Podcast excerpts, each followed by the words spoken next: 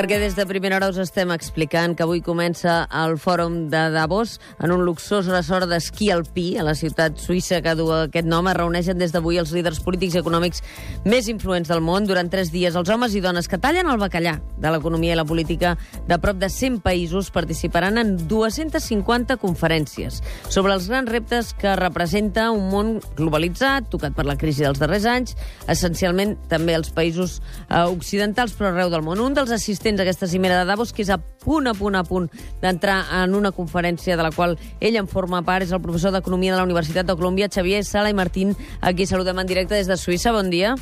Hola, molt bon dia, com anem? Molt bé, eh, molt agraïts que, que ens atenguis a pocs minuts de, de començar aquesta conferència. Aquesta conferència de què parlaràs? De parlaré de competitivitat a Europa. De competitivitat a Europa. Sí. Sí, de, de parlar de diverses coses, però aquesta mateixa de competir a Europa. Després faig un debat amb el Durau Barroso sobre aquest tema, sobre aquest mateix tema, eh, sobre com hem de fer els europeus per, per no quedar-nos enrere com ens estem quedant en, diguem, en aspectes importants de, de, de competitivitat. No? Ens estem quedant en, enrere en relació als asiàtics i ens estem quedant enrere en, en relació a altres eh, països emergents i, sobretot, en relació als Estats Units. Un informe recent que publicàvem precisament amb motiu d'aquest fòrum, del fòrum de Davos, era que un dels principals riscos que tenien les economies occidentals era el dèficit fiscal dels estats, no? els dèficits dels estats. Sí, l'endeutament en general... Que pugui fer fallides sistèmiques, sí. El, el, però no només dels estats, eh, també de les famílies, dels bancs... Uh -huh. i, els països que tenim problemes eh, molt sovint és perquè estem massa endeutats. No? Les famílies avui dia tenen poc marge de maniobra perquè es van endeutar molt per comprar cases, les empreses tenen poc marge de maniobra perquè es van endeutar molt i ara els bancs no els hi presten, els bancs tenen problemes perquè també estan molt endeutats perquè es van endeutar per prestar les immobiliàries, i ara, de, arran de la crisi, els que s'han endeutat són els governs eh, i, per tant, tenen poc marge de maniobra, per exemple, per fer la despesa social que la gent demana i que no tenen els calés per fer. Normalment en aquestes cimeres hi ha un desplegament de seguretat eh, brutal perquè hi ha 40 caps d'estat eh, entre els quals no hi ha Mariano Rajoy, però n'hi ha de molt rellevants, entre els quals el president de l'Iran, si no anem errats, i també el president israelià, i normalment eh, s'està molt pendent dels manifestants que en el voltant de la cimera poden expressar les seves opinions. Quin ambient hi ha aquí, professor Salamartín? Bé, això dels manifestants surt molt als diaris, eh? De fet, quan els veus... Primer estan just a fora del poble sí. i segon n'hi ha 40 o 50. 40 o 50 eh... individus? Sí. Diguem. Sí, normalment són molt pocs. No... Mm. Bé, és veritat que l'any 99 o 98 va haver-hi una gran manifestació, però després eh, són molt pocs.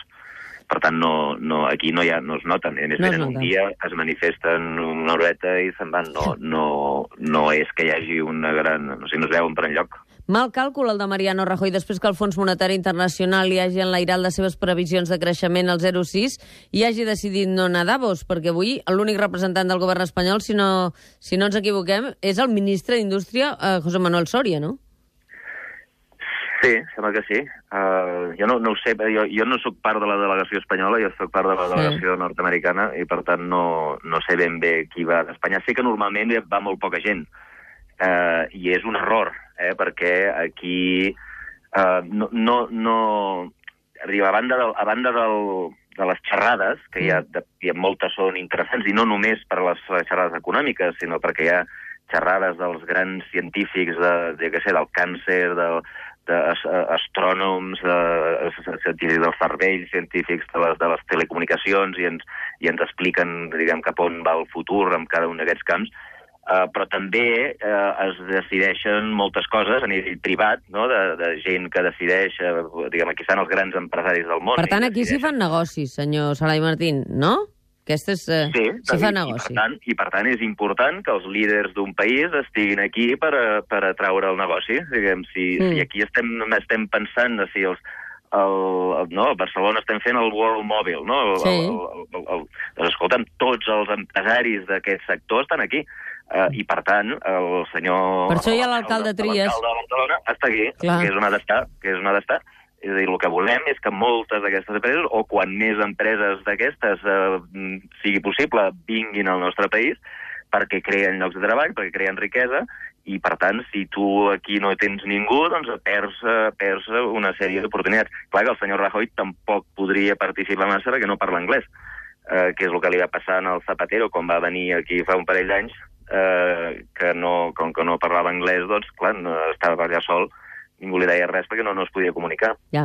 Uh, professor Sala i Martín, hi ha una altra qüestió. Els oients que ens estan escoltant hauran llegit informacions o les hauran escoltat perquè els hi hem explicat nosaltres que aquesta cimera uh, afronta quatre eixos. Uh, els reptes de la nova societat tecnològica, lluita contra les desigualtats creixents. Avui dèiem, ara ho comentàvem a la tertúlia, que el pap ha enviat un missatge clarament cap a Davos perquè s'ocupin d'aquesta qüestió, la desafecció ciutadana cap als polítics i el creixement imparable d'una població que, que arreu del món ocupa eh, doncs, preocupacions de les polítiques socials, sobretot dels estats. Hi ha conclusions després de Davos? Té efecte allò que es discuteix durant aquests dies en aquestes conferències?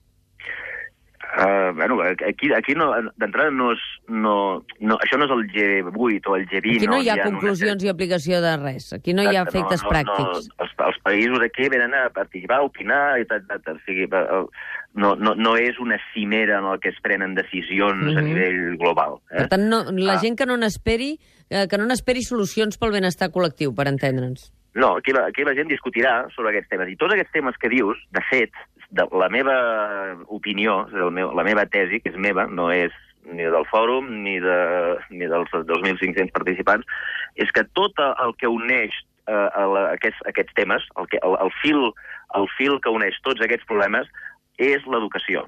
Uh -huh. L'educació.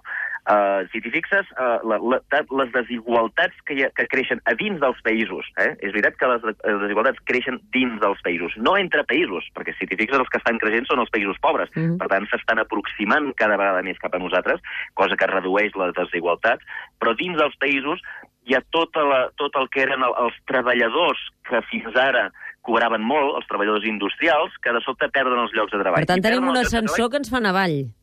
L'ascensor global... Eh, eh, perdona, perdona, tenim, l'ascensor global va bé perquè els pobres estan creixent més que els rics, però a dins dels països hi ha tota una gent que tenia llocs de treball amb salaris elevats, que són els salaris industrials, que són els que van crear la gran classe mitja al llarg del segle XX, que de sobte estan perdent els llocs de treball cap als països emergents, és a dir, cap a la Xina, però sobretot cap a les màquines, cap a la... Cap a la, cap a la tecnologia. A la, la tecnologia. Eh?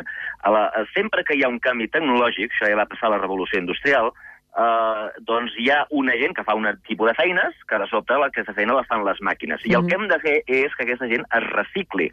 El que està clar és que cada vegada més cada vegada més, les màquines fan els treballs repetitius, fan els treballs de càlcul, fan els treballs físics. I, eh, però hi ha una cosa que les màquines no poden fer, que és els treballs creatius.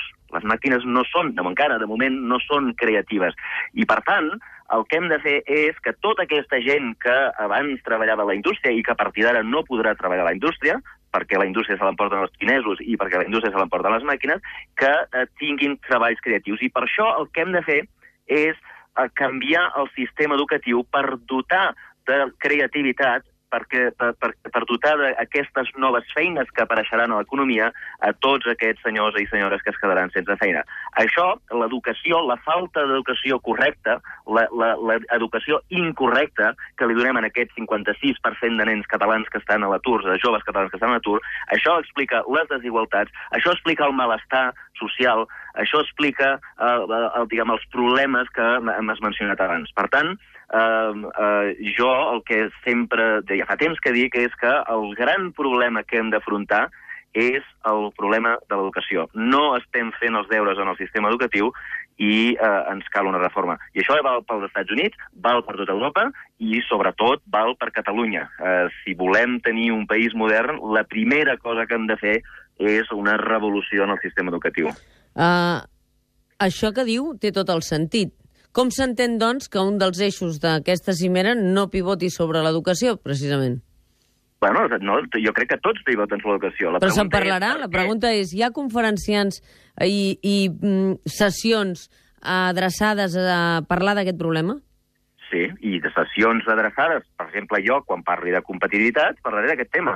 Uh, la competitivitat de Catalunya uh, acabarà venint uh, de la capacitat que tinguem els catalans de trobar aquestes noves feines que ara les màquines s'han emportat i s'emportaran i està bé que se'ls emportin. És a dir, quan tu, quan tu crees Google, eh, i tens tots els llibres a internet, òbviament, la gent que fins ara estava a les biblioteques, doncs perden el lloc de treball. Mm -hmm. eh, clar, hi ha dues solucions. Una és impedir que entri internet, cosa que ens perjudica a tot, que ens perjudica a tothom. Tothom vol tenir l'internet, tothom vol tenir Google, tothom vol tenir accés a tota la informació, o agafar la gent que fins ara estava a les biblioteques i ajudar-los a que facin una feina que no poden fer ni les màquines ni els xinesos. I això, l'única manera de fer-ho és educació. No es pot fer ni donar-los subsidis perquè estiguin aturats la resta de les seves vides, ni... ni, ni, ni I per ni, tant ni que les, empreses, que les empreses inverteixin una part dels seus beneficis en revertir sobre l'educació i la formació també dels seus treballadors i, del, i de la redefinició dels seus perfils davant d'aquests reptes tecnològics, no? Bueno, o, o els treballadors que no treballin en empreses, sinó que treballin ells mateixos a trobar-se la seva pròpia feina, eh, que és, jo crec, cap on va el futur. Però per això els hem de donar les, les eines, eh? li hem de donar tot tipus d'eines. Però l'eina principal és que aprenguin a fer tots aquests tipus de coses. Per tant, el que et deia és que eh, quan es parli de desigualtats, jo crec que, eh, que quan es parli de desigualtats, hi ha moltes accions sobre això, la clau de volta serà l'educació, i es parlarà de per què hi ha les desigualtats, per què la classe mitja està perdent els llocs de treball, i òbviament es parlarà de la tecnologia, i òbviament es parlarà de les, uh, de, de, del boom que està venint en els països emergents, i òbviament la conclusió a la que arribarà serà l'educació. Quan es parli de, de les primaveres àrabs i de per què els joves àrabs eh, estan rebel·lant-se per tot arreu, es parlarà de que el sistema educatiu àrab no permet que els nens àrabs doncs, tinguin accés a llocs de treball productius eh, per la seva estructura econòmica i, per tant, tornarem a parlar d'educació. És a dir, eh, parlis del que parlis, em sembla a mi, al final la conclusió és eh, que hem de, hem de repensar eh? I no, jo no tinc la solució, eh? jo tinc algunes idees sobre mm. el que s'hauria de fer, però clarament no sabem que, com eh, diguem, el sistema educatiu que ens ha servit molt bé per l'època industrial, eh, un sistema educatiu fantàstic quan la, la idea era tenir doncs, tot d'enginyers eh, com a peces intercanviables de la maquinària, eh, quan es moria un enginyer n'agafaves i en posaves un altre exactament igual i tot funcionava igual, ara això ja no passa. Ara has de fer coses que les màquines no poden fer i l'única cosa que pot fer el cervell humà que no pot fer la màquina és crear i el sistema educatiu que tenim no ensenya a crear, al contrari, mata la creativitat. Xavier Els nens, Salima. quan entren a l'escola, els Sí. nens, quan entren a l'escola, fixa que pregunten de tot, eh? tot el dia estan preguntant. En canvi, quan arriben a la universitat no, no pregunten res. Tota la curiositat que tenen els nens fixa que el sistema educatiu els ha matat. I això no pot ser. Xavier Salamartín, em queden dos minuts d'informe Salamartín perquè se'n va en aquesta conferència i no vull deixar de dir-li que aquest matí hem trobat els milions de Borrell en el seu article. Aquells van fer referència a un article de Josep Borrell en què deia on són els 16.000 milions aquests que reclamen del dèficit fiscal i argumentava, i avui li ha contestat el professor Salamartín dient trobats els milions de Borrell amb l'efecte Visa. Em pot fer amb un minut el diagnòstic de la seva resposta en l'article de Joan Borrell que qüestionava clarament el dèficit fiscal català? Sí, a veure, el, el senyor Borrell feia un càlcul simple que deia, mira, tots els diners que l'estat eh, espanyol recapta a Catalunya eh, li restava els diners que eh, l'estat espanyol gasta a Catalunya i diu, eh, de l'any 2009, eh, Mm. de l'any 2009, i va dir, i diu la diferència eren 792. Per Sí. tant, 792 milions i, per tant, el dèficit fiscal, eh, el que el Catalunya paga menys el que Catalunya se li retorna, són només 792 i no 16.000 milions. El que passa és que el senyor, el senyor Borrell eh, i el seu coautor, que es diu, es diu Llorac, Llorac, sí. eh, diuen que eh, ignoren, o sigui, no sé per què, però ignoren el fet de que el govern espanyol es va endeutar fins al clatell. Eh, Es va, es va endeutar, era, era, era l'any que més dèficit tenia el govern d'Espanya, i es va endeutar més o menys, ara parlo de memòria, d'uns 81.000 milions, dels quals 16.000 milions corresponen a Mhm. pagar els catalans. És a dir, és com si el govern espanyol hagués agafat la targeta Visa dels catalans, eh, a, per valor de 16.000 milions, hagués demanat prestat, i aquests diners no anessin a Catalunya, sinó s'haguessin anat a altres regions d'Espanya. Per tant, els espanyols van agafar la nostra targeta Visa, es van gastar els calés i se'ls van portar a Espanya. I aquí és on estan els calés. Si Catalunya és independent, ells es pregunten d'on a on estaria els diners, doncs la resposta és a la targeta Visa. Uh, si no hagués sigut, sigut, si no si haguéssim sigut espanyols, aquests 16.000 milions que ens van carregar la targeta i se'ls van exportar, emportar a Extremadura, Andalusia i etc doncs haguessin estat a la taula del senyor Mascolell. És un article que poden recuperar naturalment els lectors avui, que avui publica l'Ara, un magnífic article de Xavier Sala i Martín, i li demanem ja només el número per l'enigmàrius de l'1 al 690. 17. El 17. Que vagi molt bé aquesta conferència. Moltes gràcies, professor Vinga, Sala gràcies. A reveure. Adéu.